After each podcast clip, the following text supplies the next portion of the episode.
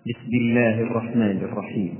إذاعة طريق الإسلام على شبكة الإنترنت تقدم لكم. وصحبه أجمعين. وبعد فأحييكم إخواني بتحية الإسلام. السلام عليكم ورحمة الله وبركاته. ونقول في مطلع هذا الدرس الحمد لله الذي جعل لنا من أنفسنا أزواجا لنسكن إليها وجعل بيننا مودة ورحمة. هذا الزواج الذي هو نعمة من الله سبحانه وتعالى أنعم بها على عباده يحصل من ورائها منافع عظيمة ومصالح جمة. ولولاه لوقع الناس في حرج عظيم. بل لربما هلك الجنس البشري بدون هذا الزواج. والله الذي خلق الرجل وخلق المرأة وهو أعلم بهما سبحانه وتعالى شرع هذا الزواج وأمر به وحث عليه. ورسول الله صلى الله عليه وسلم تزوج وعلم الأمة أحكام الزواج وآدابه. سبق لنا أيها الإخوة أن تكلمنا في محاضرة سابقة بعنوان رسالة عاجلة في المشكلات الزوجية عن نصف هذا الموضوع أو عن جزء منه. ونحن نريد أن نكمل إن شاء الله هذا الموضوع في هذا الدرس ولأن الموضوع يتكلم عن المشكلات وعما يحدث بين الزوج وزوجته من الأمور التي تعكر صفو الحياة الزوجية ويحدث بسببها شقاء عظيم قلنا مهلا أيها الزوجان ليقف كل واحد منهما. متأملا متدبرا حياته وعيشته مع الطرف الآخر. ويقف وقفة تصحيح وتأمل في وضعه مع زوجته وتقف الزوجة موضع تصحيح وتأمل لوضعها مع زوجها.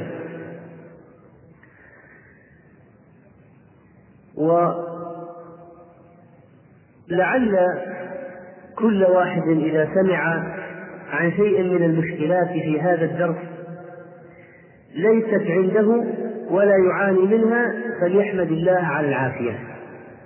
ويسأل الله المزيد من فضله.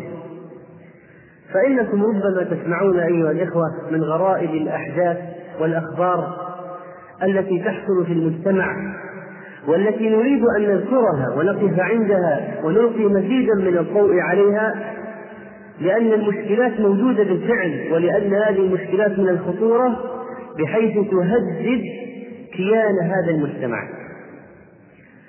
وكثرة إحداث حوادث الطلاق وتفشي الأخبار السيئة عن هذا الموضوع هو الذي يجعل لزاما تكرار الكلام فيه وبسط الكلام والتوسع من أجل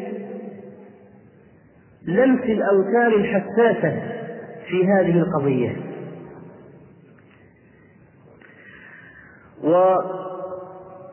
ونقول إجابة على سؤال طرح ما هو الموقف من الزوج الفاجر. أما الزوج الكافر فلا يجوز للمرأة المسلمة أن تبقى معه أبدا. فإن الله سبحانه وتعالى يقول لا هن حل لهم ولا هم يحلون لهن.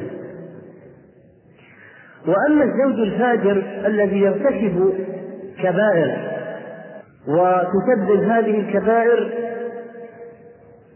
مشكلات كثيرة للزوجة وشقاء ونكدا وتعاسة فإن المرأة تضطر للموازنة بين الأمور ومعرفة المصالح والمفاسد. للتقرير في استمرارها مع هذا الرجل الفاجر من عدم الاستمرار. وقد تضطر المرأة لاحتمال أدنى الضررين من أجل درء مفسدة أكبر. هب أن امرأة مثلا اكتشفت أن زوجها له علاقة بالهاتف مثلا لبعض النسوة وعندها منه أولاد. وهذا الرجل بفجوره ينغص حياة زوجته. ولكن هذه المرأة قد توازن فترى أن تركها لزوجها قد يوقعه في فواحش وأن معصيته الآن قد وصلت إلى درجة معينة وقد تزداد سوءا لو فارقته. وأن الأولاد من جهة أخرى قد يضيعون. ومهما حاولت فيه لم تر تحسنا فماذا تفعل؟ فنقول ربما كان صبرها عليه ودعاؤها له مع البلية التي فيه هو أخف الضررين. ومع الألم النفسي الذي يعتور المرأة من سماع أحاديثه وفسقه وفجوره وهو يواعد هذه ويتكلم مع هذه ويطلب من هذه أن تخرج معه إن هذا الوضع يشكل ضغطا نفسيا كبيرا على المرأة ولكن ماذا تفعل؟ وقد يكون السبب أنها انتقلت من بيت دين وخير إلى رجل لم يسألوا عنه ولم يتحروا. فاكتشفت بعد سنوات من الزواج أنجبت أولاد وبنات أن له علاقات معينة. وقد يظلمها ويضربها ولا تطيقه. وهذه امرأة تشتكي من وجع يدها من الضرب ثلاثة أشهر وهي تتحسر. ولكن ماذا تملك أن تفعل والمرأة ضعيفة في الغالب؟ فهذا جواب سريع على السؤال الذي طرح عن موقف من الرجل الفاجر وأما المشكلات التي سنتكلم عنها في هذه الليلة فإن النظر في أنواع المشكلات يرجعها إلى أسباب عدة. فمن الأسباب ما يكون في الزوج والزوجة داخليا مثل الإهمال وعدم الإحساس بالمسؤولية ثانيا التسلط ثالثا التدخل فيما لا يعني رابعا سوء الظن خامسا عدم التوافق النفسي سادسا اعتقادات فاسدة سابعا وسوسة ثامنا فارق التعليم تاسعا فارق الطبقة الاجتماعية عاشرا عدم القناعة بالأمور المادية. الحادي عشر الغيرة المذمومة. الثاني عشر الرتابة في الحياة. و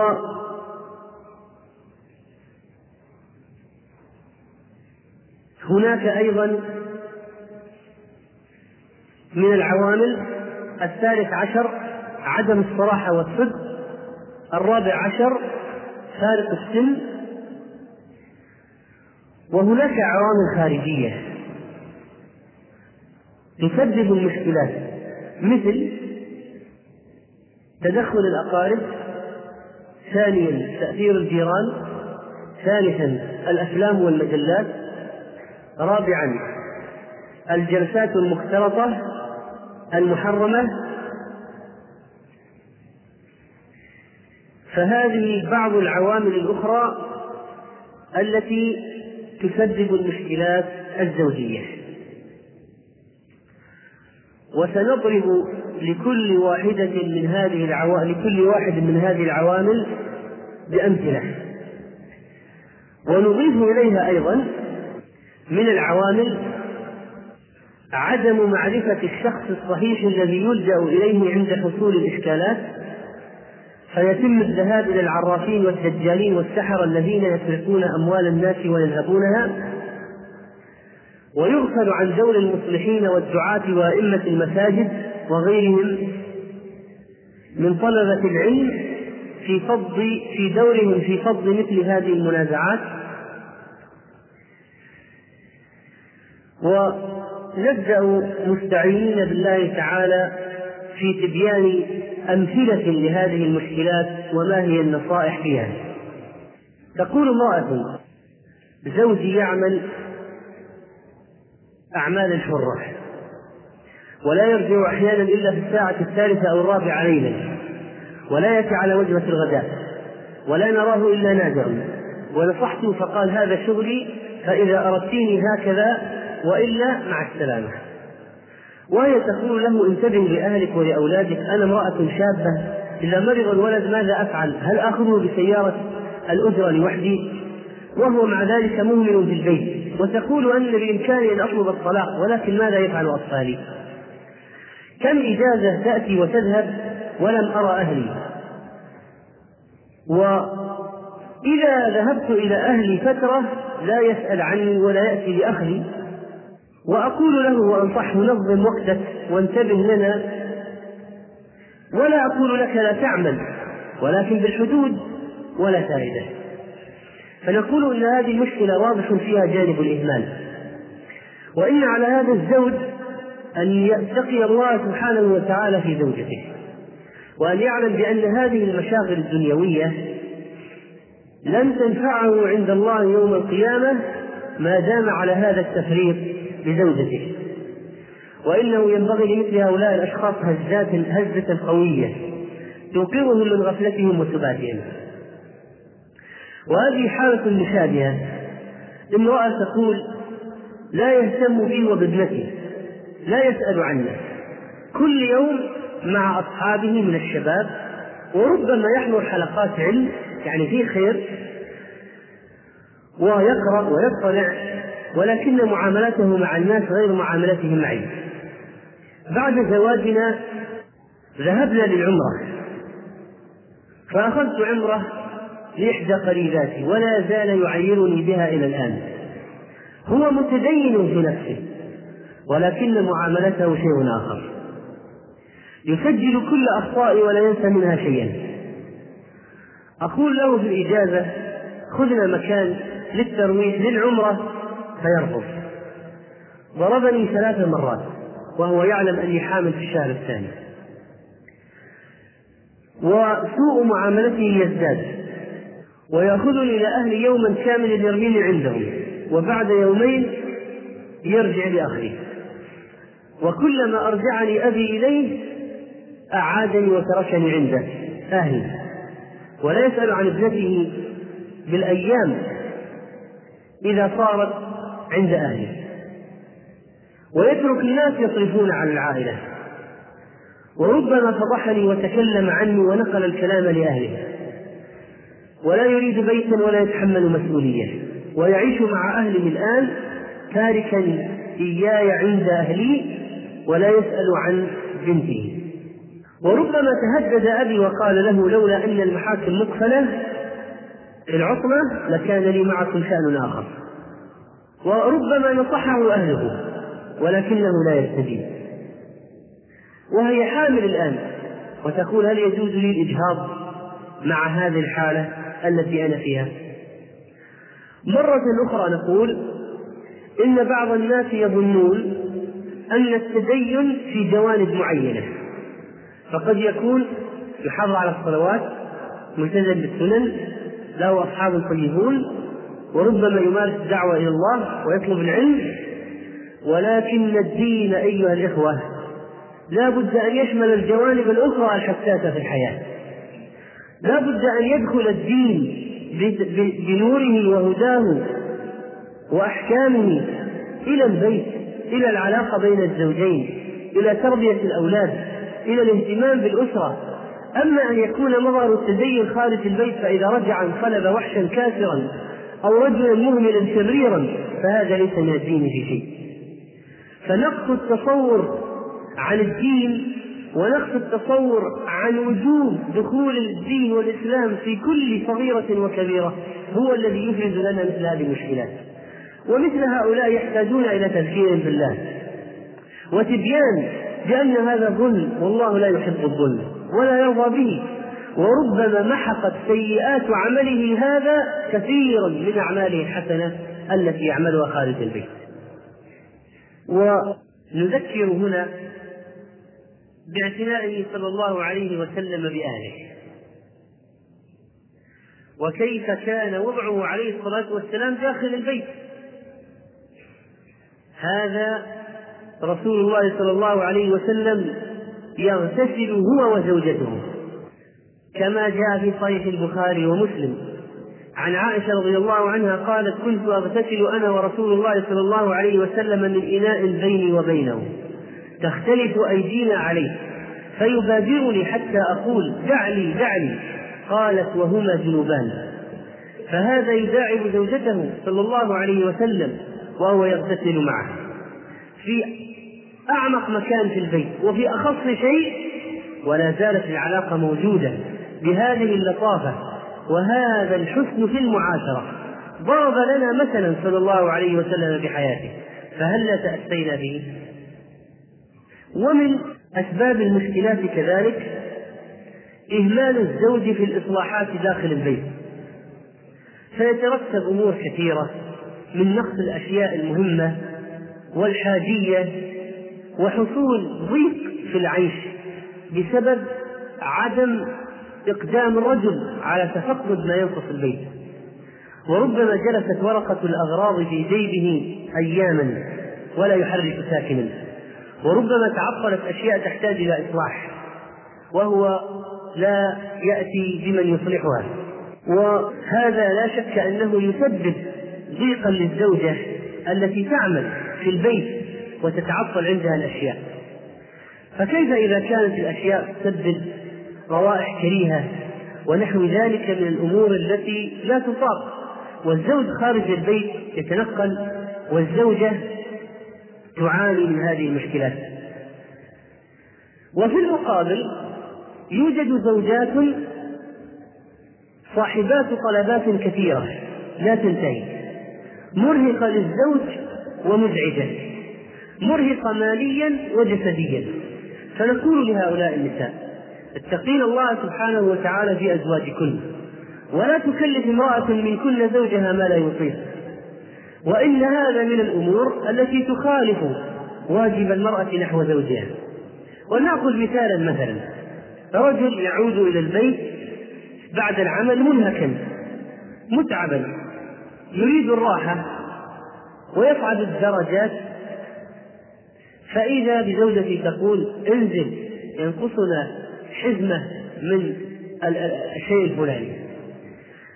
مع أن حسن التصرف يقتضي أن يذهب أن أن تعد المرأة ما يحتاج إليه البيت وما يحتاج إليه الطعام مثلا من الأمور حتى يأتي بها الرجل في أثناء عودته أو تتصل به لتخبره بدلا من أن تنزله أكثر من مرة أحيانا ليشتري الأشياء وقد جاء لتوه من العمل. وهذا من الأمور التي تسبب التضايق. نعم قد يحدث ذلك أحيانا. ولكن أن يتكرر دائما بحيث ينزل الرجل يشتري الأغراض وهو في مثل هذه الحال فهذا يكون شيء مزعج ومن المشكلات أيضا التي تنتج عن الإهمال وعدم الشعور بالمسؤولية هذه حالة امرأة. لا يوفر لها زوجها الطعام في البيت وقد ينام الأولاد على جوع. والزوجة توفر من مالها من مالها الخاص لشراء الحاجيات. ولا يوجد صابون ولا غسيل ولا منظف ولا ملابس كافية للأطفال. ولا يشتري الطفل إلا يشترى الطفل إلا حذاء واحدا في فترة طويلة. وقد تكبر قدم الطفل ويحتاج إلى حذاء ولا يوجد له حذاء. وهو لا يربي أولاده ولا يراقبهم. يأكل ويذهب للعمل. وهي تخرج إلى الشارع لمراقبة الأولاد والبحث عنهم وهو يفلت الأولاد. وقد يمنعها الطبيب من الوقاع لمرض أثناء الحمل وهو يرغمها على ذلك ولا يراعي ظهرها الصحي ويقول لها إن الملائكة تلعنك.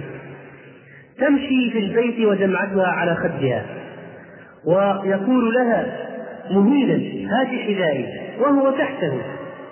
وإذا طلب منها كأس ماء فلا بد أن تقف طيلة الوقت. حتى يشرب هو من باب الإذلال. وكيف كيف يكون لهذه المرأة نفسية أن تتزين لزوجها؟ وهذا الإهمال قد يتعدى إلى صحة المرأة فقد تحتاج إلى عمليات جراحية أو أخذ إلى الطبيبة ونحو ذلك وهو لا يفعل. ومع ذلك يتهددها بالزواج بأخرى. ويقول أنت امرأة عاقة وعاصية لا تعملين في البيت. ولا ولا تقضين الحاجات. وتنعكس هذه المشاكل على الأطفال. هذا مثل واقعي آخر لما ينتجه الإهمال. إنها مخالفة صريحة لقوله صلى الله عليه وسلم خيركم خيركم لأهله وأنا خيركم لأهلي. فهل يكون هذا الزوج متقيا لله سبحانه وتعالى؟ وعنده خير لزوجته وهو يتعامل مثل هذا التعامل. وماذا يكون الوضع من الأشياء التي تسببها المشكلات الزوجية وسوء المعاملة من قبل الزوج؟ إعطاء فكرة سيئة عن أهل الدين إذا كان هو ممن ينتسب إلى التدين. فماذا يقول أهل زوجته عندما يرونه مثلا يرميها عندهم؟ ويأخذ نقودها إذا كانت موظفة موظفة. وربما يتهمها في عرضها وهذا أمر خطير جدا وقلب وأنتم تعلمون حد القذف في الشريعة. وإذا جاءته للتفاهم قال روحي ما أتفاهم معك تفاهم مع أبيك. وإذا جاء أبوها قال لها قال للأب هذه حاجة تخصني ما دخلت أنت بيني وبين زوجتي. فلا هو يتفاهم معها ولا هو يتفاهم مع أبيها. وتبقى المسكينة معلقة. فأقول إن مثل هذه الحالة تسبب ولا شك أخذا سيئا لفكرة لا تليق أبدا عن المتمسك بدينه ويحق للناس أن يتكلموا عند ذلك في أشياء وربما كان هذا الرجل من الذين يصدون عن سبيل الله. وبعض الأزواج يطلب من زوجته عمل مستحيل. فقد يكون ليس له إلا ثوب واحد وبقية ملابسه في الغسيل مثلا وهو يطلب منها أن يكون الثوب هذا الآن جاهز ونظيف. مع أنه يلبسه هو. وقد يكون من النوع البخيل الذي لا يشتري لنفسه ثيابا. فماذا تفعل المسكينة من أجل إرضائه؟ وبعض الزوجات قد تريد أن تضحك في وجه زوجها أو تلاطفه. ولكن سوء المعاملة لا يساعدها على ذلك. وربما اضطرت أن تستخدم حاجيات أختها هي لعدم توفير الحاجات لها. والجفاف والغلظة في المعاملة الزوجية لا يرضاه لا ترضاه الشريعة أبدا. بل إن رسول الله صلى الله عليه وسلم أخبر بأن الله إذا أراد بأهل بيت خيرا أدخل عليهم الرفق. والجفاف والغلظة ينافيان الرفق. وكون الرجل يغلظ تشبها بأبيه أحيانا بعض الأزواج بعض الرجال يغلظ مع زوجته لماذا؟ يقول هكذا يفعل أبي في البيت فيفعل مثله. فهل كون أبيه يعني قاسي مع أمه هو. ويتعامل بغلاظة. هل يكون مبررا لأن يقلده الولد في المعاملة مع زوجته؟ هذا لعمر الله من التقليد الأعمى المضر. إن وجدنا آباءنا على أمة وإنا على آثار مقتدون. وهذا سبب آخر من الأسباب التي التي تؤدي إلى المشكلات وتفاقم المشكلات الزوجية. كون الرجل ليس عنده اهتمام بالأطفال فلا يأخذه في نزهة ولا في ترويح مباح مما يضايق الزوجة ويضايق الأطفال. ومن المشكلات الأخرى أن يكون الرجل قد نزع من قلبه الرحمة تجاه زوجته وأولاده فقد يهينها أمام الناس بل في السوق والشارع وقد يضربها وهي حامل. وهذا رجل وقع بينه وبين زوجته خلاف فطردها من البيت الساعة الثانية عشر ليلا. توسلت إليه وقبلت رجله دون فائدة. مع أنها قد أحسنت إليه وساعدته في شراء أثاث للبيت وسيارة له وربما باعت ذهبها من أجله ولكنه لا يقدر ذلك. وتوفير الأشياء ينبغي أن يكون باقتصاد فإن الاقتصاد من النبوة. بعض النساء مثلا تهتم بالتموين في البيت وقبل أن تنفذ الأغراض بقليل تطلب أشياء. وهذه حكمة فإنه ليس من الصحيح أن تنتظر دائما حتى ينتهي كل شيء ثم تطلب ويتأخر هو في الطلب ثم يعاني البيت من نقص أشياء. فلا ينبغي للزوج عند ذلك أن يقول لها مثلا عندك. صحيح أن عندها ولكن الذي عندها لا يكفيها إلا فترة قليلة. فينبغي أن يراعي ذلك. وفي المقابل لا تكون هي من النوع الذي يكثر الطلبات وربما تفسد الأشياء في البيت وهي لا تحسن حفظها ولا طهيها ولا تخزينها وعدم اكتراث الرجل بالأشياء التي يحتاج إليها بيته لا من يقول نسيت لا تكلميني بعدين.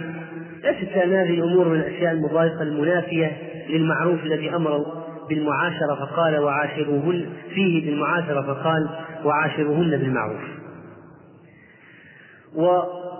وبعض الزوجات قد تضطر إلى الذهاب إلى الجيران لاستلاف الأشياء وهذا أمر سيء. وماذا يقول الجيران عن صاحب البيت الآخر؟ وبعض بعض الجيران من مضايقتهم لجيرانهم يستلفون منهم كل شيء. يعني ابتداء من إلى طق الباب عندكم طماطم دق الباب عندكم عندكم خبز؟ عندكم كذا؟ عند ما هو السبب؟ قد يكون السبب سوء إتيان الرجل باغراض إلى البيت وقد يكون السبب طبع سيء في هؤلاء الناس إنهم يريدون الاعتماد على الآخرين والاعتماد على الآخرين الرسول صلى الله عليه وسلم علم أصحابه أن لو سقط صوت أحدهم من يده أن لا يقول الآخر ناولني إياه كلما كان الإنسان في استغناء عن الناس كلما كان في عز وكلما كان في مكانه محفوظة ومحترمة أكثر. ومن المشكلات المتعلقة بالحياة الزوجية تسريب الأسرار البيتية إلى الخارج. ولهذا أسباب بعض الناس علاقتهم بإخوانهم أخف من علاقتهم بزوجاتهم. وهذا ليس عليه انتقاد في الظاهر في المبدأ. لكن في الأمور الداخلية يجب أن تبقى علاقة الرجل بالرجل كرجل وعلاقته بزوجته شيء آخر. فلا يصلح هو أن ينشر بين الرجال أو بين شخص أو يخبر شخصا من الأشخاص دون مصلحة شرعية بما يحدث بينه وبين زوجته من أسرار الاستمتاع وغير ذلك. ولا يجوز لها هي أن تخبر أخواتها أو صديقاتها مثلا ما يحدث بينها وبين زوجها من الخصوصيات وأسرار الاستمتاع كذلك. وهذا حرام بل إن رسول الله صلى الله عليه وسلم قام مرة في الرجال وقال لعل رجلا أخبر سألهم يعني عليه الصلاة والسلام لعل رجلا يعني يدخل بيته ويستتر بستر الله؟ قالوا نعم. قال ثم لعله أن يأتي الناس فيخبرهم بما يفعل يقع بينه وبين زوجته فسكت. وقال النساء مثل ذلك فسكتنا. فقامت امرأة كعاب على ركبتيها متطاولة ليسمع الرسول صلى الله عليه وسلم فقالت يا رسول الله إنهم ليتحدثون وإنهن ليتحدثن فقال نهاهم صلى الله عليه وسلم أن يفعلوا وأخبر أن مثل ذلك مثل شيطان لقي شيطانا في الطريق فقضى حاجته والناس ينظرون إليهما. فكون لك علاقة خاصة مع صديق أو أخ في الله فهذا لا يعني أن تسرب الأسرار الخاصة إليه وتخبره وتبوح له بكل شيء. لكن قد يضطر الرجل أن يسأل عالما أو طالب علم عن شيء من هذه الأشياء الخاصة في مشكلة لا بد لها من حل. هذا لا بأس به. ولكن أن تأخذنا العلاقات الأخوية الفضفاضة بحيث أنها تستوعب كل شيء حتى القضايا الخاصة والمعلومات الدقيقة والأشياء الحساسة التي من المفترض أن تكون أسرارا فهذا لا يجوز. ومن الأمور كذلك من المشكلات عدم معرفة كل من الزوجين لحدوده ووظيفته فبعض الناس مثلا يقول زوجتي شريكتي في الحياة إذا لا يصح أن أخفي عليها أي شيء. فيخبرها بأسرار له هو قد تكون بينه وبين أخ له مسلم أو بينه وبين أهله هو. لا يصح أن تطلع عليها هي. وهذا العكس من الحالة الماضية. وفي هذه الحالة نقول له إن أسرار المسلمين أمانة عندك فلا يجوز أن تسربها إلى زوجتك بحجة أنها شريكة الحياة ولا يصلح أن يخفى عليها شيء. فلكل مقام مقال. ولكل حال التصرف المناسب فيه. فأحيانا قد يخبرها عن أمور مالية إخبارها عنها يسبب مشكلة.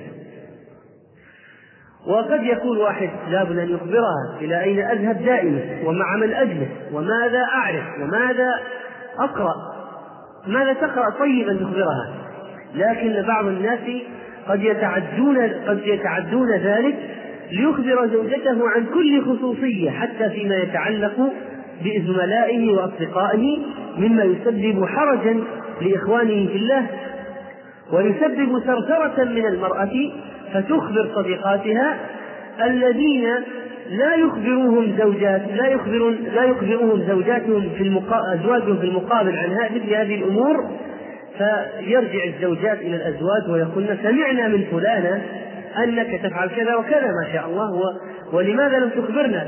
والسبب أن زوجا من الأزواج قد افرض مثلا نوضح الأمر بمثال نفرض أن مثلا مجموعة من الناس اتفقوا مثلا على أن آه، يقوموا بأمر معين من الأمور المتعلقة أو بشيء من طلب العلم على سبيل المثال. ولا آه، شك أو نشاط من نشاطات الدعوة إلى الله. اتفقوا مثلا على دعوة شخص أو على القيام بأمر من الأمور في الدعوة إلى الله سبحانه وتعالى. ليس من المناسب أن تعرف الزوجة كل تفصيل يتعلق بهذا الأمر. فيأتي واحد ويقول ويتوسع فيخبر زوجته بكل شيء يفعله. فهذه الزوجة تخبر صديقاتها فتذهب صديقة إلى زوج إلى زوجها فتقول ما شاء الله أنت تفعل كذا وكذا وكذا ونحن ما ندري. ليش أن تخفي عنا ولماذا تفعل كذا؟ وهذا الرجل من باب الإخلاص والرياء كتم المسألة. ما حب أن يقول لزوجته والله أنا أدعو فلان وفلان وأنا أحفظ كذا وكذا وأنا أقوم بكذا وكذا. من باب الإخلاص والرياء كتم الأمر.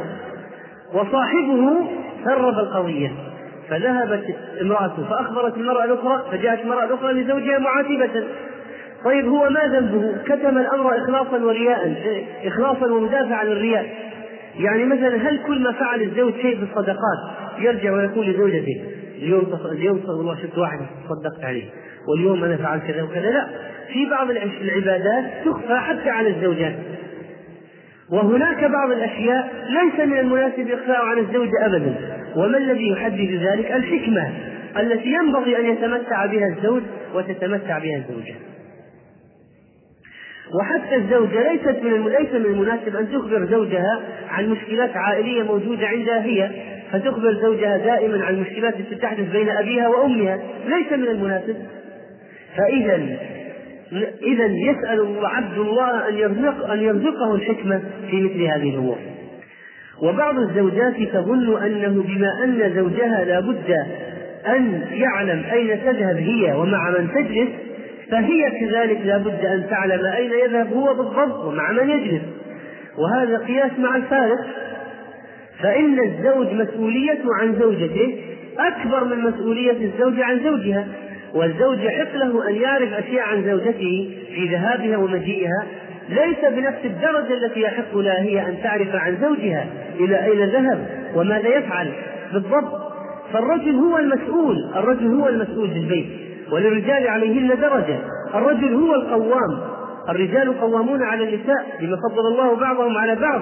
فلا يصح للمرأة أن تخلط وتقول ليش أنا أخبرك بماذا أفعل؟ وأنت يجب أن تقول لماذا يجب أن أستأذنك في الخروج من البيت؟ أنت تستأذني في الخروج من البيت.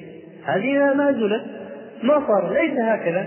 في فارق بين الرجل والمرأة يجب أن يراعى في هذه الأمور. فالتي تعاند ولا تبلغ زوجها بهذه الحجة امرأة مخطئة ينبغي أن تتقي الله سبحانه وتعالى وأن تخبره بما تريد أن تفعل. ومن الأشياء التي تسبب مشكلات أيضا عدم مراعاة الأزواج آه، مسألة إتيان الزوجة. فبعضهم إذا تزوج يريد أن يدخل بزوجته من أول يوم ليثبت أنه رجل. أو أن أهله يريدون هذا. وهذه المسكينة ما عمرها تعرفت برجل ولا جلست مع أجنبي ولا شيء.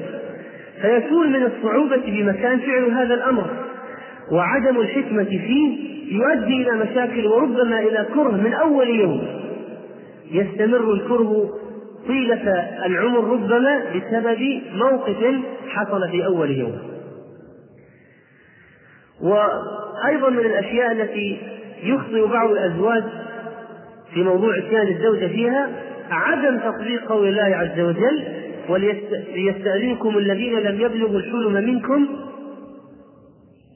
الذين ملكت أيمانكم والذين لم يبلغوا الحلم منكم ثلاث مرات. هذه ثلاث مرات بعد الفجر ووقت القيلولة وبعد العشاء وقت النوم. لماذا؟ حتى لا يطلع الطفل على شيء لا يناسب أن يطلع عليه. فلا يجوز أن يهجم على مخدع أبيه وأمه ويدخل دون استئذان يعود إذا كان يبدأ يميز يعود أما الكبير هذا مفروغ منه. لكن الذي لم يبلغ الحلم فبعض الناس من سوءهم أنه ربما يأتي زوجته أمام أولاده مميزين. وربما أتاها في وقت الحيض. وربما أتاها في الدبر وملعون من أتى امرأته في دبرها. وربما ربما أتاها في موضع لا يجوز أن يأتيها فيه أصلا بسبب مشاهدة بعض الأفلام السيئة والهيئات الشاذة التي لا يجوز لرجل بحال أن يكون وضع مع زوجته فيها هكذا. والسبب تقييد الكفرة. والسبب عدم مراعاة حرمات الله عز وجل والنظر إلى ما لا يجوز من هذه الأشياء. المنتشرة المرئية والمطبوعة. ومن الأمور المهمة أيضا عدم متابعة الرجل لزوجته والعكس في القضايا التعبدية. ورسول الله صلى الله عليه وسلم إذا كان رسول الله صلى الله عليه وسلم قد حث على متابعة الرجل لزوجته في قيام الليل والعكس. وقال رحم الله امرئا قام من الليل فأيقظ أهله فإن أبت نضح في وجهها الماء. ورحم الله امرأة قامت الليل فأيقظت زوجها فإن ابى نضحت في وجه الماء. إذا كان هذا في قيام الليل وهو سنة. فما يكون الحال في مسألة متابعة في قضية الفرائض؟ هذا مسألة ينبغي أن تكون موجودة ويحصل بها اهتمام. بعض الأزواج يذهب إلى صلاة الفجر ويجلس في المسجد بعد الصلاة إلى طلوع الشمس ولم يؤخذ زوجته للصلاة. وإنني أذكر بهذه المناسبة أنني سألت قبل فترة بسيطة السؤال هكذا جاء. رجل ذهب إلى المسجد لصلاة الفجر وبعد الصلاة قعد يذكر الله. آه، يريد أن ينتظر إلى طلوع الشمس وترتفع الشمس يصلي ركعتين ويرجع بأجر حجة وعمرة تامة تامة تامة كما هو الحديث حسن في هذا الموضوع. فتذكر وهو جالس في المسجد يذكر الله في المسجد أنه لم يوقف زوجته لصلاة الفجر وأنها لم تستيقظ. فكان السؤال هل يأثم الرجل لو جلس وأكمل إلى طلوع إلى ارتفاع الشمس وصلى ركعتين للأجر العظيم يأثم لو جلس؟ فقال الشيخ نعم يأثم. كيف لا؟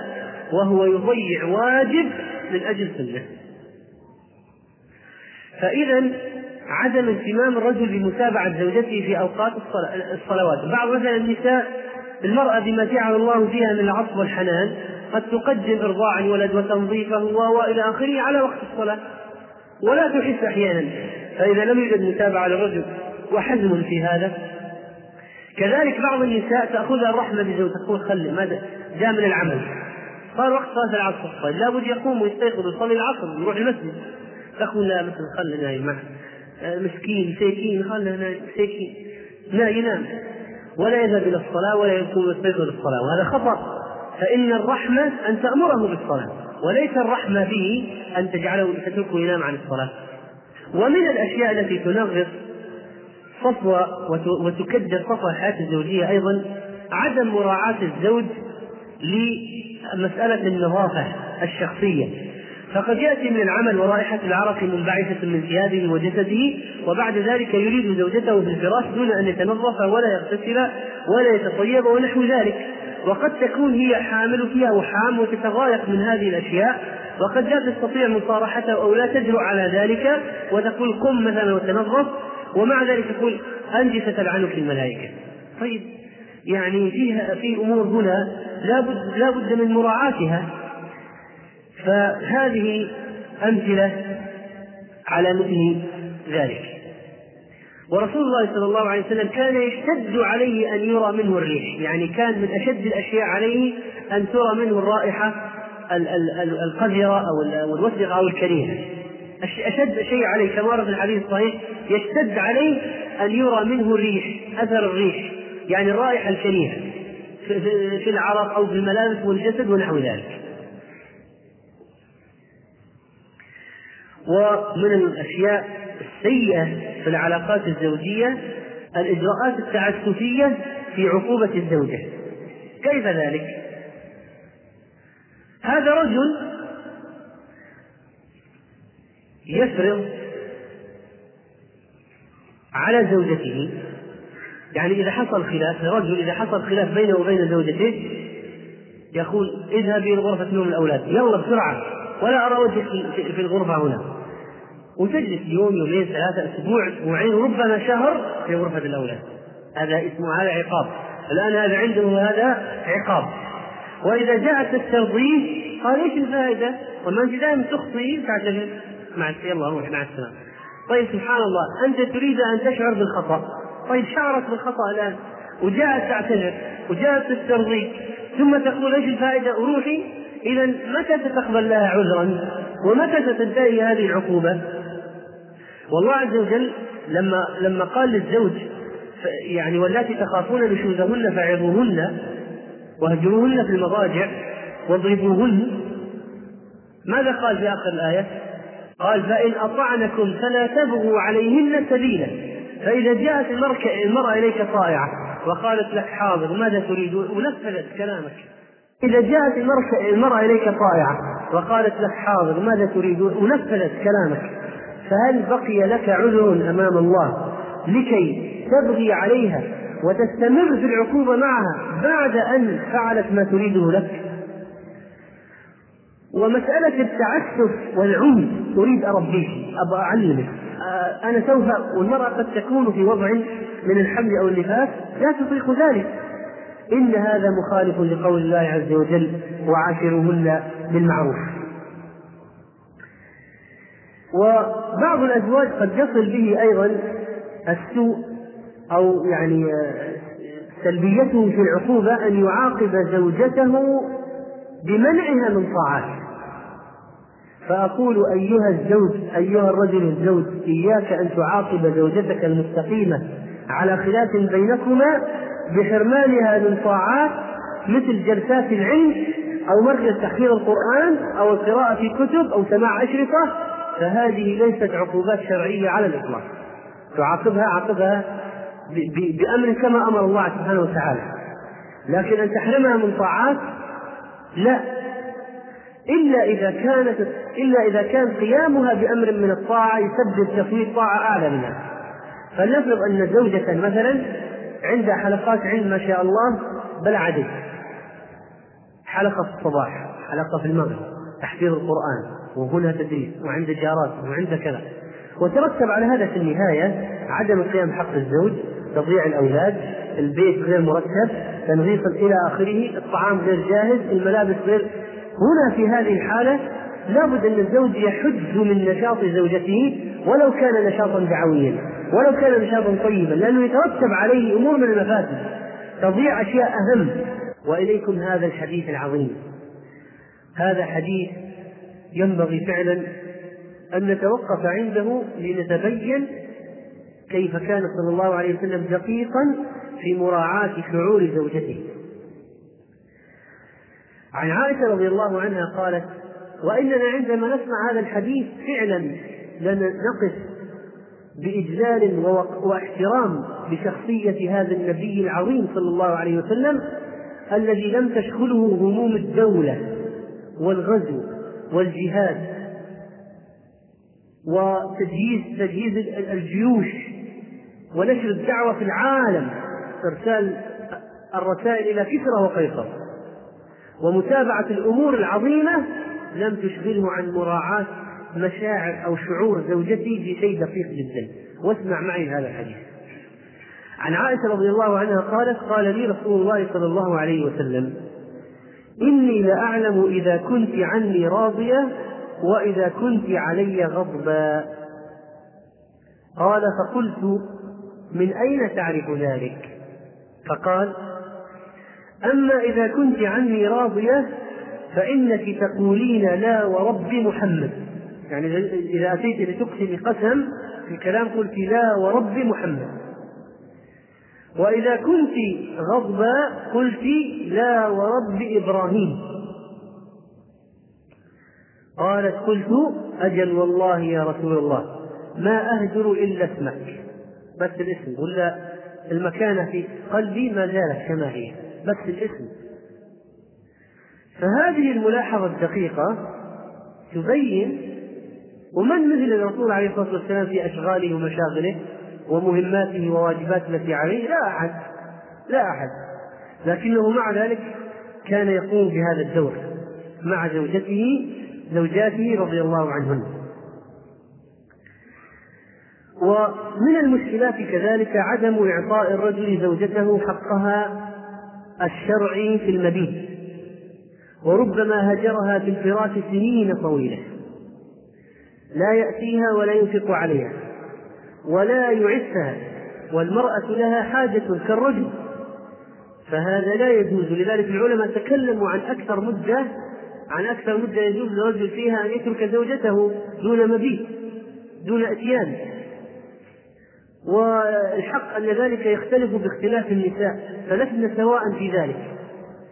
وربما كان هذا سبب من أسباب انحراف النساء. لأنك أحيانا إذا نظرت في في امرأة يدخل عليها رجال أجانب أو لا سمح والعياذ بالله تذهب إلى يعني مع مع رجال وهكذا. تجد من الأسباب أحيانا أن زوجها لا يعطيها حقها في الفراش فهي لما عدمت الحق في الحلال ذهبت تبحث عنه في الحرام وهذا حديث آخر يبين هذا الأمر. عن أبي جحيفة رضي الله عنه قال آخى النبي صلى الله عليه وسلم بين سلمان وأبي الدرداء. فزار سلمان أبا الدرداء. فرأى أم الدرداء متبذلة. طبعا في أشياء حديث صارت قبل نزول آية الحجاب. ما كانت آية الحجاب ما نزلت. فرأى أم الدرداء متبذلة يعني في هيئة رثة لا تدل على أنها يعني امرأة متزوجة أو لها زوج. فقال لها ما شأنك؟ فقالت أخوك أبو الدرداء ليس له حاجة في ليس له حاجة في الدنيا. فجاء أبو الدرداء فصنع له طعاما فقال له كل فإني صائم. قال ما أنا بآكل حتى تأكل. فأكل. فلما كان الليل ذهب أبو الدرداء يقوم. فقال سلمان نم فنام. ثم ذهب يقوم فقال نم. فلما كان من آخر الليل قال سلمان قم الآن. فصليا فقال له سلمان إن لربك عليك حقا وإن لنفسك عليك حقا ولأهلك عليك حقا فأعط كل ذي حق حقه. فأتى النبي صلى الله عليه وسلم فذكر ذلك له فقال النبي صلى الله عليه وسلم صدق سلمان وزاد الترمذي ولضيفك عليك حقا. والحديث في البخاري عند البخاري وغيره. فهذا يبين أن الأخوة في الله يتعاهدون بعضهم في التنبيه على النقص الذي يكون عند بعضهم. وأن مبيت الرجل عند أخيه قد يكشف له شيئا من العيوب التي تحتاج إلى علاج.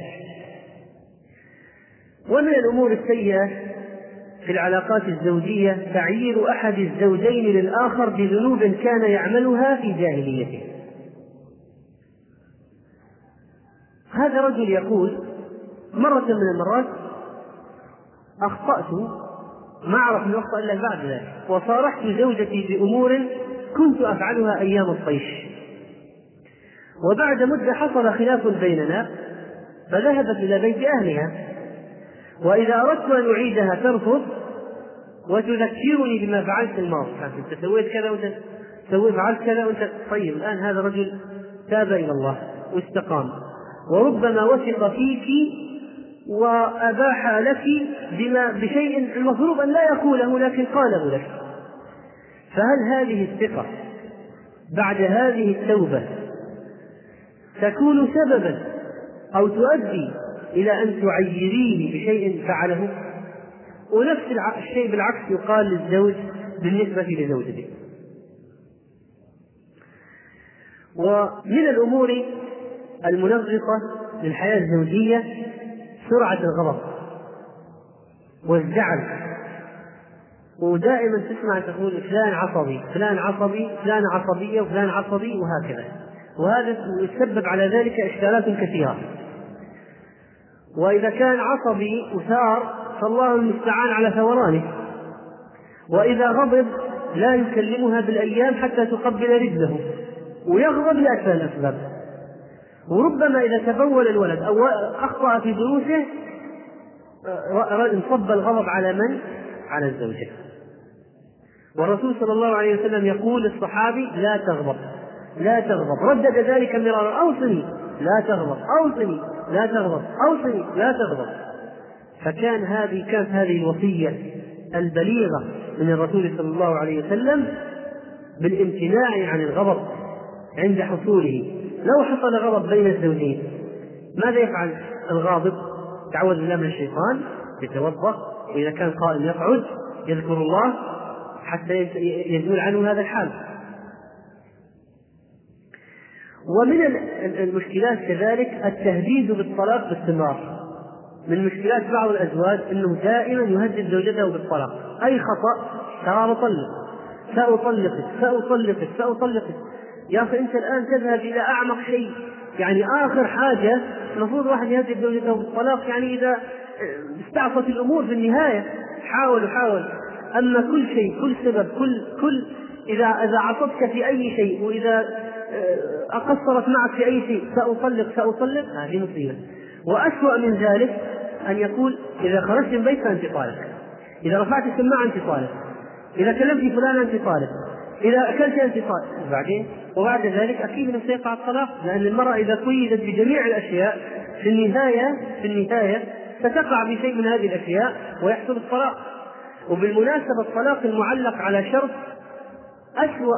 يعني في بعض الأحيان يعني هو هو شيء في حسمه لا لا يمكن علاجه. لأنه إذا قال إن خرجت من البيت فأنت طالق. فإذا خرجت تطلق سواء كانت طاهر أو حامل أتاها ما أتاها في جميع الحالات بخلاف الطلاق السني الذي لا يقع إلا في طهر لم يجمعها فيه. وكذلك الطلاق المعلق بشرط إذا قال إن خرجت فأنت طالق لا يمكن يسحب كلامه.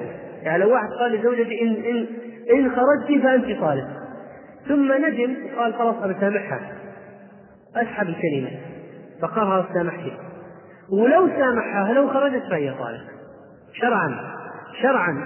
كلمة إن خرجت فأنت طالق ما ينفع فيها الرجوع ولا المسامحة.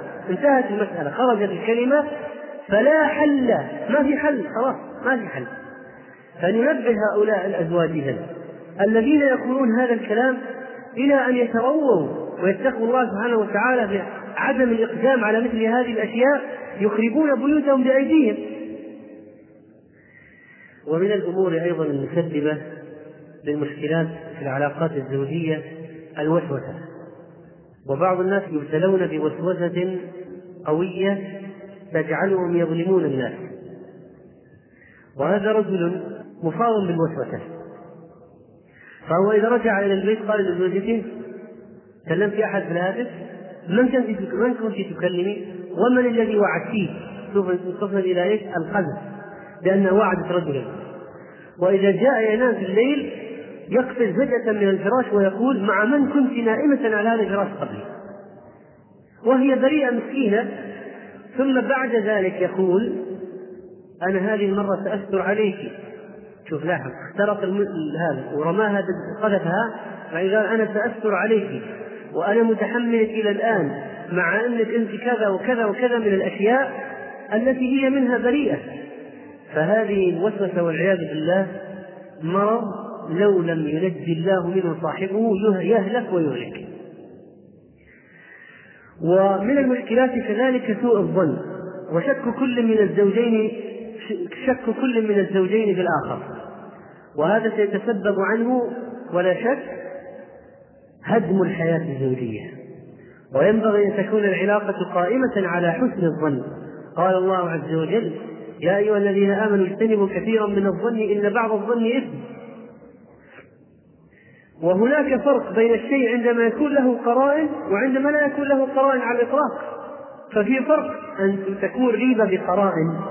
ممكن واحد يقول نعم لكن أن يكون ما في قرائن مطلقا ويساء الظن فهذا والعياذ بالله هذا من سوء النفس أن يصل إلى هذه الدرجة.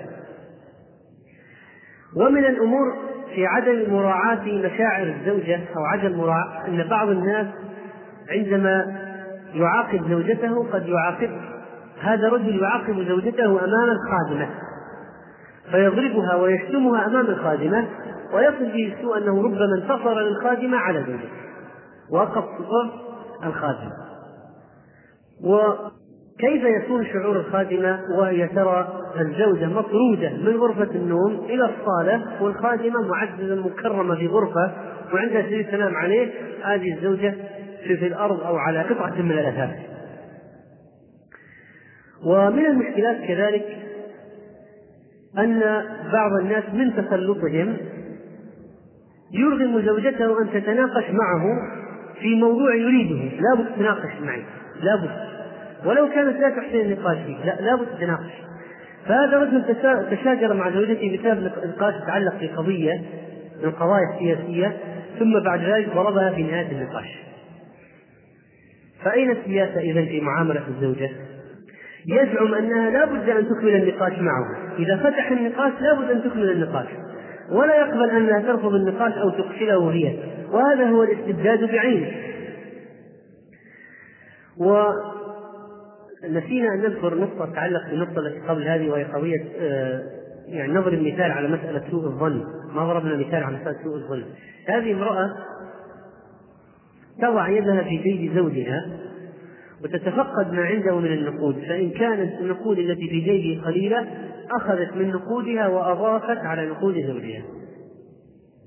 يوم من الأيام دخل البيت فوجد يد زوجته في جيبه. الله أكبر. هنا وقعت الواقعة. كيف؟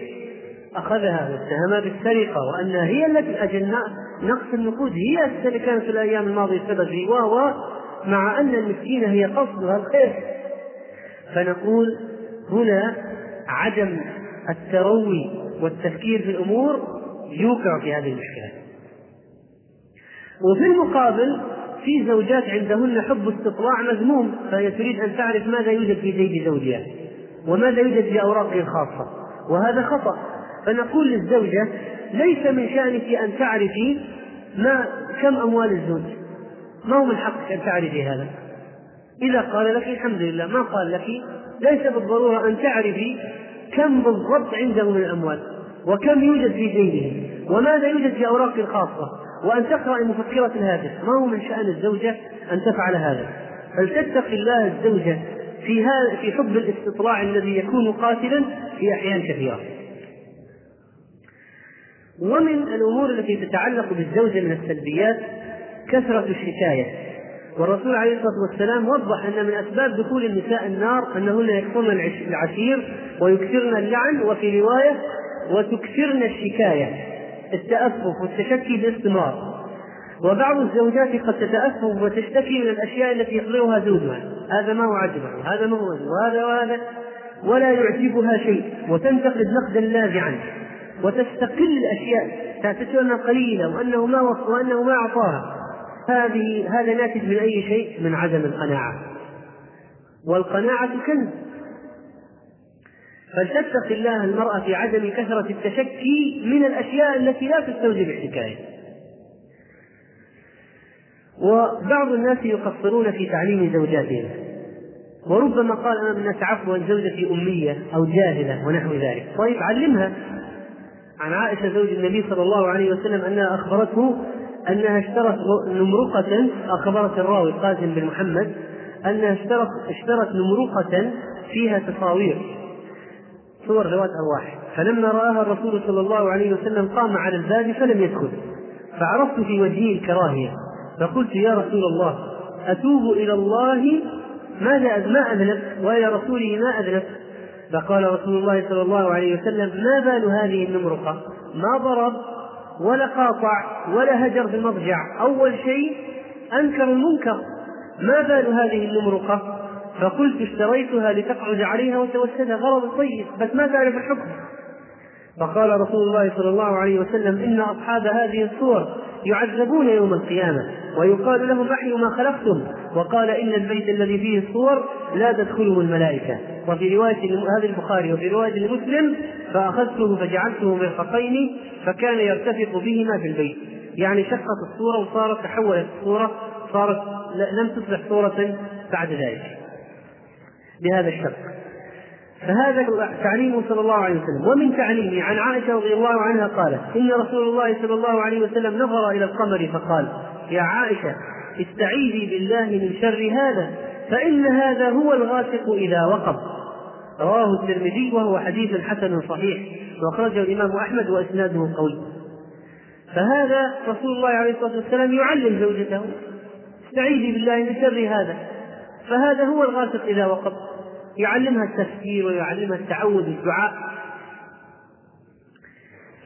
ومن تكليف ما لا يطاق أيضا أن يطالب الرجل زوجته بزيارة زوجة صاحبه. وقد لا ترتاح لها. ف بحكم صداقته هو مع ذلك الرجل فلا بد أن يرغم زوجته على زيارة زوجة الآخر. والنفوس الأرواح جنود مجندة ما تعارف منها ائتلف وما تناكر منها اختلف. والمرأة طبعا لابد أنها تحسن إلى زوجة صديق زوجها قدر الإمكان. ولكن على الزوج أن لا يكلفها بزيادة بزيارة أناس لا ترتاح لهم. والمسايرة والتوسط أمر مهم. ومن المشكلات أيضا أن بعض العلاقات الاجتماعية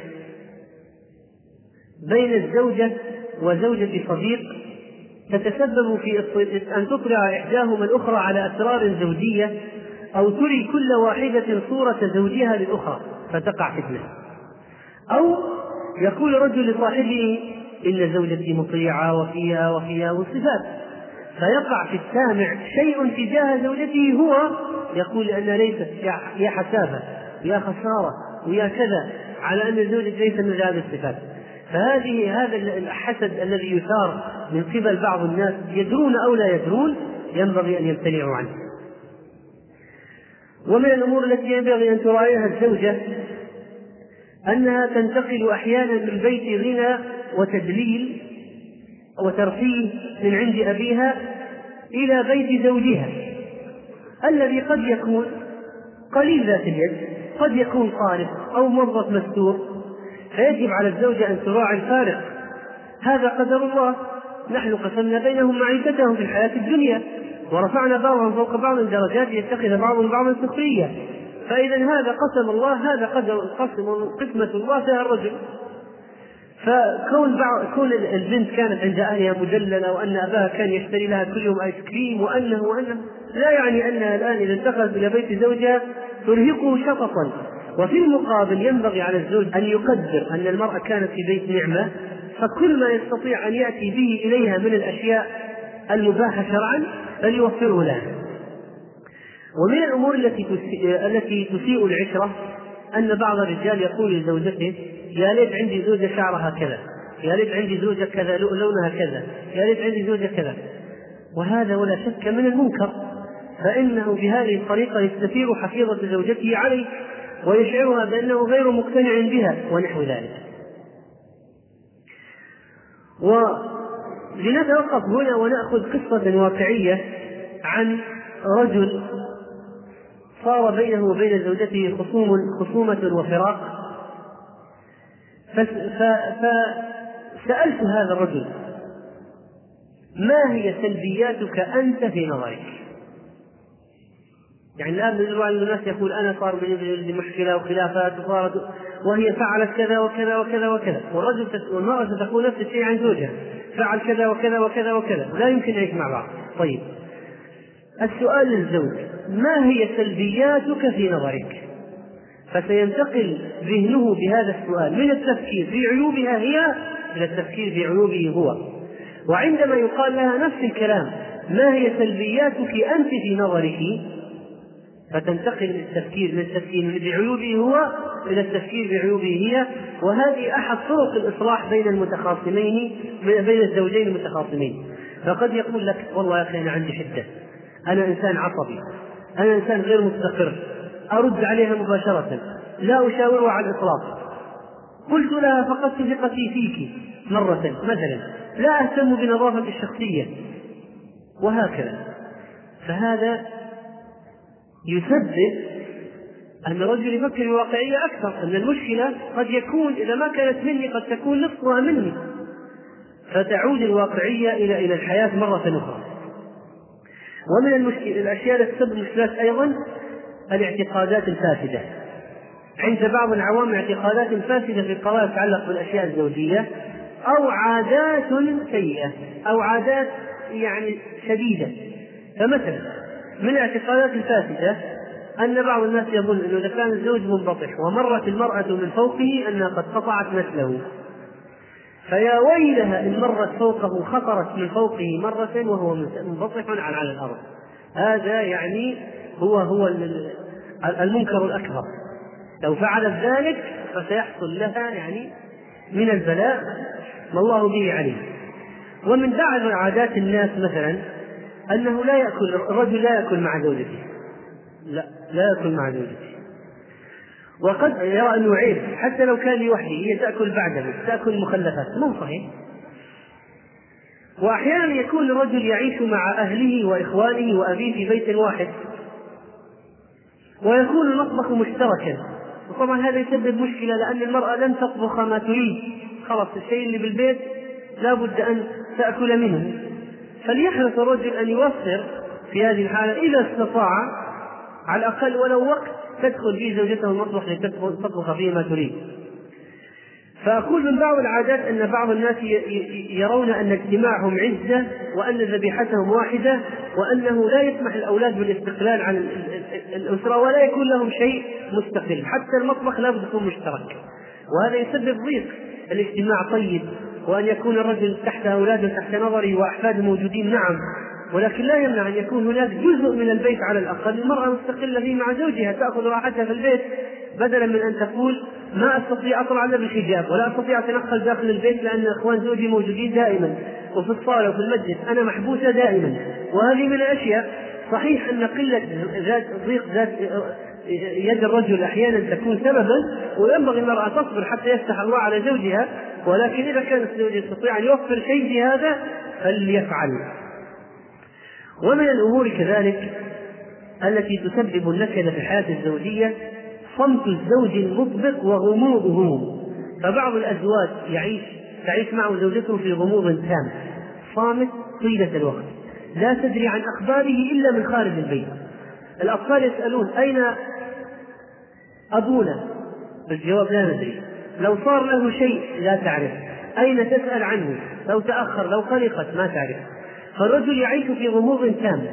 ممكن أحيانا واحد صحيح إنه ما يكون خبر في البيت إلى أين سيذهب لكن هو دائما يعيش يعيش زوجته في غموض هذا خطأ. وكثرة خروجه وغيابه عن البيت من الأمور التي تسبب المشكلات. فبعضهم دائما في عزائم وولائم ويترك أهله في البيت دون طعام. وأحيانا يأخذ زوجته ويضعها عند أهلها. إلى ساعة متأخرة من الليل 12 وحدة في 8 في الليل لكن إذا وضعها عند بيت ناس قال ما أتأخر عليك. 10 10 طيب. 11 12 وحدة في الليل الناس يناموا. هذا زوجي هذا جاء متأخر الليل وقت. وصاحبنا من إهماله المرأة منقعة في بيت أولئك الناس يتضايقون وهو غير مكترث. ومن المسائل التي نفعلها نحن كثيرا ونقر بها ونقع فيها أننا أحيانا نترك زوجاتنا وأولادنا في السيارة ونقف نتكلم مع شخص من الأصدقاء مثلا مدة طويلة والأطفال متضايقون في السيارة نتكلم ونتكلم ونتكلم وقد يكون الجو حارا وغير مناسب فينبغي أن ننتبه إلى مثل هذه المسائل. ومن الأشياء التي تسبب أيضا الضيق من الطرفين كل منهما بالآخر كلام كل من الزوجين في أهل الآخر على سبيل الانتقاد فلا شك أن الزوج إذا تكلم في أهل زوجته قال أنت أهلك كذا وكذا وأمك هذه كذا وأبوك فلان هذا هذا طيب ماذا سيحدث؟ لا شك أنه سيوغر صدر زوجته عليه والمرأة بطبيعة الحال ستدافع عن أهلها وهو سيزداد أو العكس هي تنزل في أهلها أبوك كذا وكذا وأمك كذا وإخوانك هذول ما فيهم وفيهم. طيب هؤلاء أهله ولا زال بينهم روابط بينه وبينهم روابط وشائج قطعت فسيدافع عنهم وكل سيتعصب لأهله وهو ينتقد أم زوجته وزوجته تنتقد أمه وهو ينتقد أخاها وهي تنتقد أخاه. وهكذا فتصبح مسألة في نكد مستمر. ومن الأشياء التي تسبب المشكلات أيضا العلاقة بين الزوجة أو الأشياء التي تقع فيها مشكلات. رتابة الحياة وعدم دخول عناصر التشويق أو تغيير. فأحيانا تكون الزيارات أو بعض السفريات المباحة أو الشرعية من الأشياء التي أو مثلا ترك الزوجة تذهب لأهلها فترة من الزمن تجدد وتغير الروح في البيت وفي الحياة الزوجية. وينبغي أن نتأسى برسول الله صلى الله عليه وسلم في هذا الجانب الترويحي وإليكم هذا الحديث العظيم وأنتم تعرفونه عن عائشة رضي الله عنها أنها كانت مع رسول الله صلى الله عليه وسلم في سفر وهي جارية حديثة السن. فقالت لم أحمل اللحم ولم ابذل فقال لأصحابه تقدموا فتقدموا. ثم قال تعالي أسابقك. فسابقته فسبقته فقالت فسابقته فسبقته على رجليه فلما كان بعد وفي رواية فسكت عني حتى إذا حملت اللحم مضت سنوات وبدلت ونسيت ما مضى خرجت معه في سفر مرة فقال لأصحابه تقدموا فتقدموا ثم قال تعالي أسابقك ونسيت الذي كان وقد حملت اللحم فقلت كيف أسابقك يا رسول الله وأنا على هذه الحال؟ فقال لتفعلن. فسابقته فسبقني فجعل يضحك وقال هذه بتلك هذه بتلك السبقة صلى الله عليه وسلم. والله إننا إذا تأملنا في حال عليه الصلاة والسلام مع زوجته لندهش فعلا من حال هذا النبي الكريم في مشاغله الكثيرة ثم بعد ذلك يراعي حاجة الزوجة في الترفيه ويفعل هذا الأمر الذي بعضنا الآن لو راح إلى منطقة إلى بر ما يرى أحد ابدا يقول لا لا كيف تفعل هذا؟ طيب يا أخي رسول الله صلى الله عليه وسلم فعله فأنت أفضل أنت خير أم رسول الله؟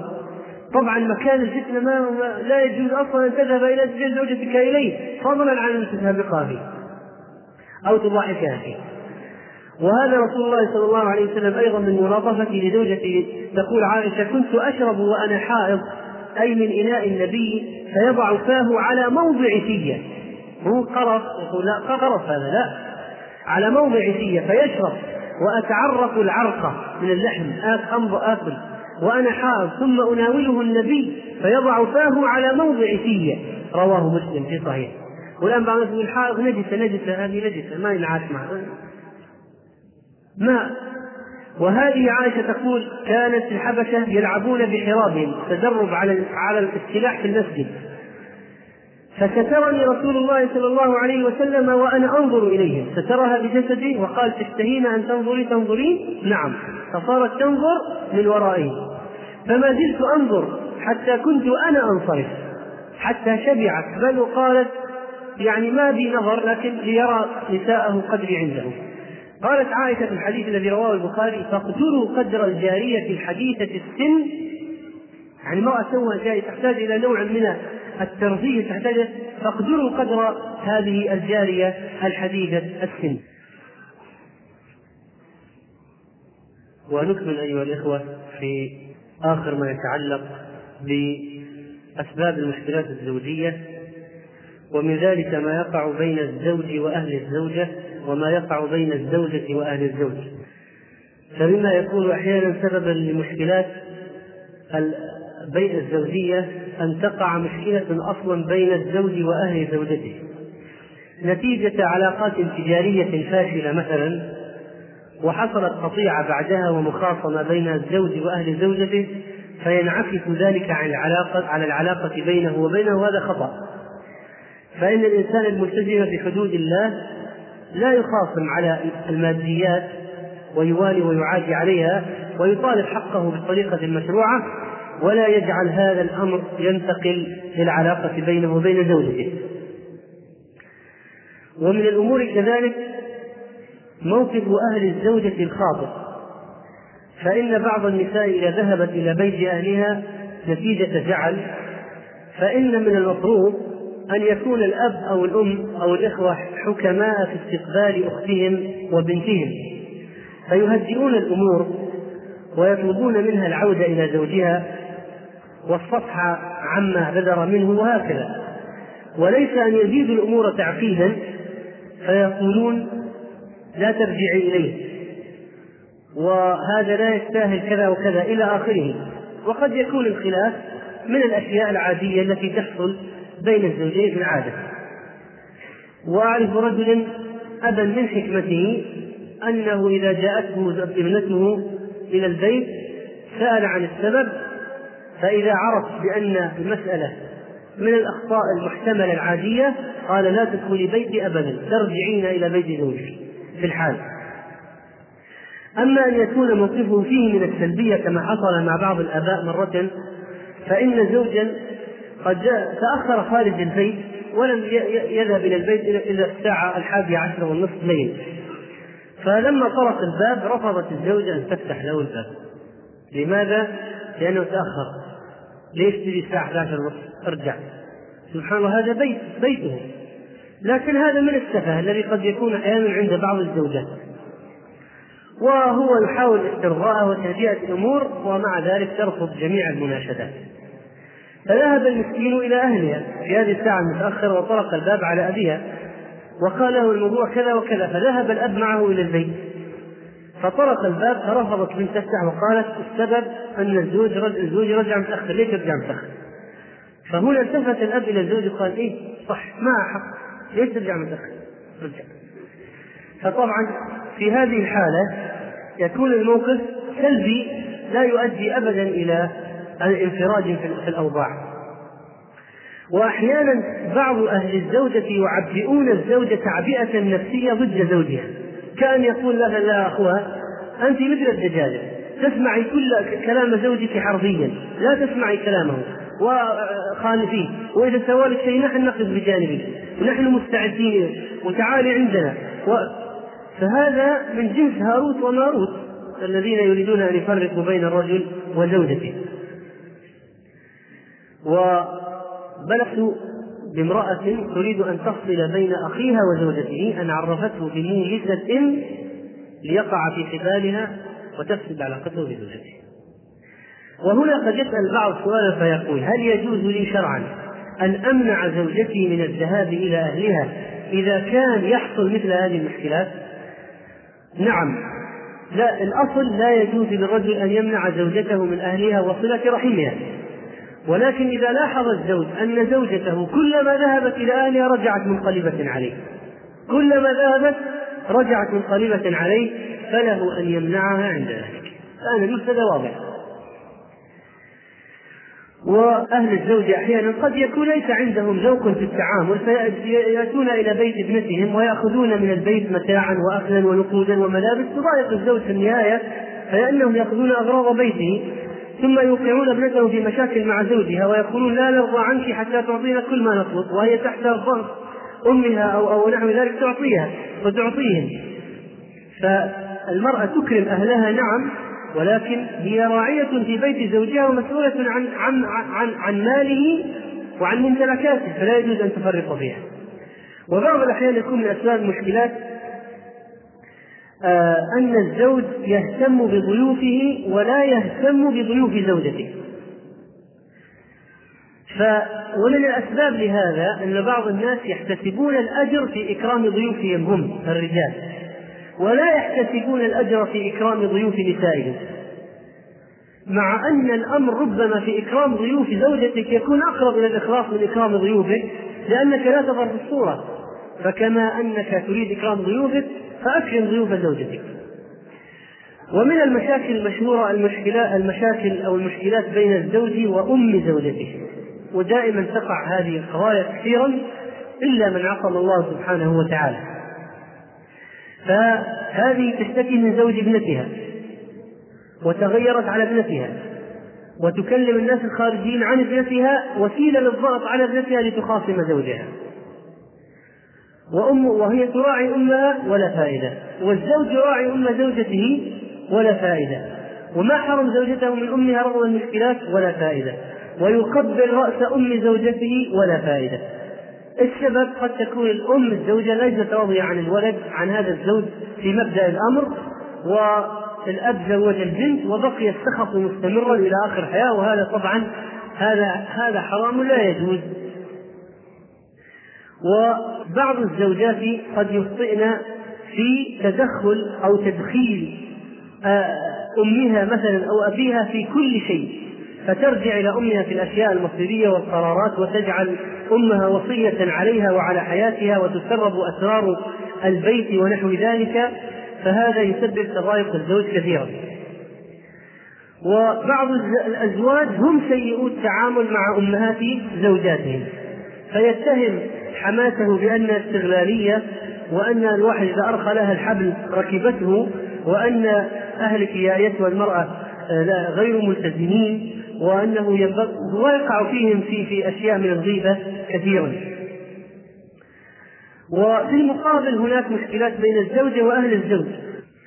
فمن المشكلات مثلا أن إنسان لما سمى ولده باسم أبيه تبرأت الزوجة من الاهتمام بالولد. كيف تسمي تسمي ابني؟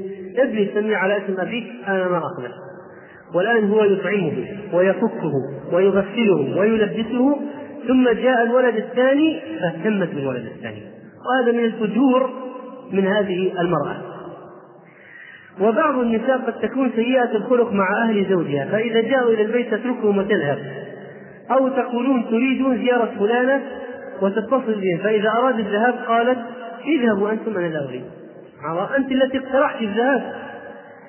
أو تحرض زوجة أخي زوجها وتقول ما جاءنا من عندكم إلا خراب البيوت ونحو ذلك. و أحيانا تقول الزوجة أم زوجي تهينني وتريدني أن أخدمها. وقد تكون محقة قد تكون أم الزوج المخطئة. وأغسل الملابس وأكنس البيت وأطبخ لضيوفها هي. وأنا عندي ثلاث أولاد والرابع في بطني وأنا ضعيفة. والمشكلة الزوج يقول أمي فوق كل شيء. هذا صحيح. ولكن بحدود. فلا يعني هذا أن ترهق أمك زوجتك لأن أمك فوق كل شيء. وليست زوجتك شرعا مكلفة بخدمة أمك.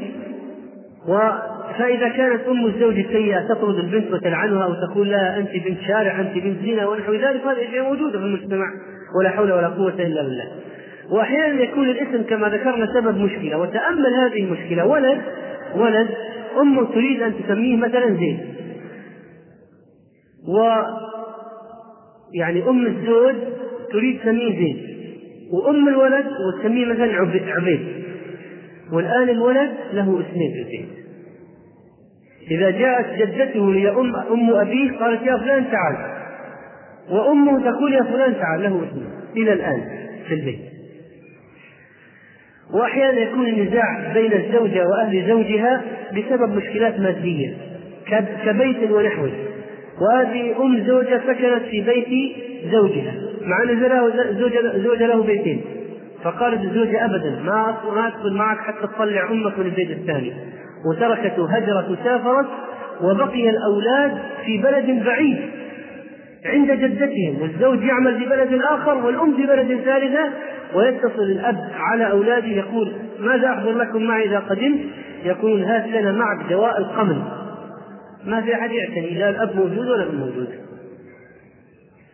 والجارات السيئات يكون في بعض الأحيان أيضا من أسباب المشكلات فتكون زوجة مطيعة لزوجها في أمان مع زوجها تتعرف على جارة سيئة تدخل بيتها فتبدأ المشاكل. أنت ضيعتي عمرك خلي خليه يشتغل في البنت خليه يعرف كيف الشغل خليه يذوق المعاناة أعطيه البنت يسكتها وإذا سكتت البنت في الليل اقرصيها حتى تستيقظ وتيقظ الأب حتى ينسى وهكذا طبعا هذا من الأم والخبز وتصل المشاكل إلى الخارج أحيانا.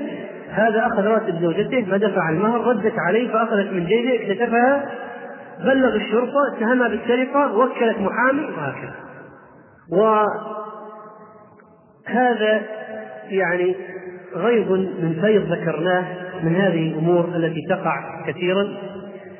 فنسأل الله سبحانه وتعالى أن يجنبنا وإياكم شرور أنفسنا وأن يعيننا وإياكم على ذكره وشكره وحسن عبادته. اللهم اجعلنا من السعداء في الدنيا والآخرة وأصلح ذرارينا وأهلينا يا رب العالمين. أقول قولي هذا وأستغفر الله لي ولكم وصلى الله على نبينا محمد.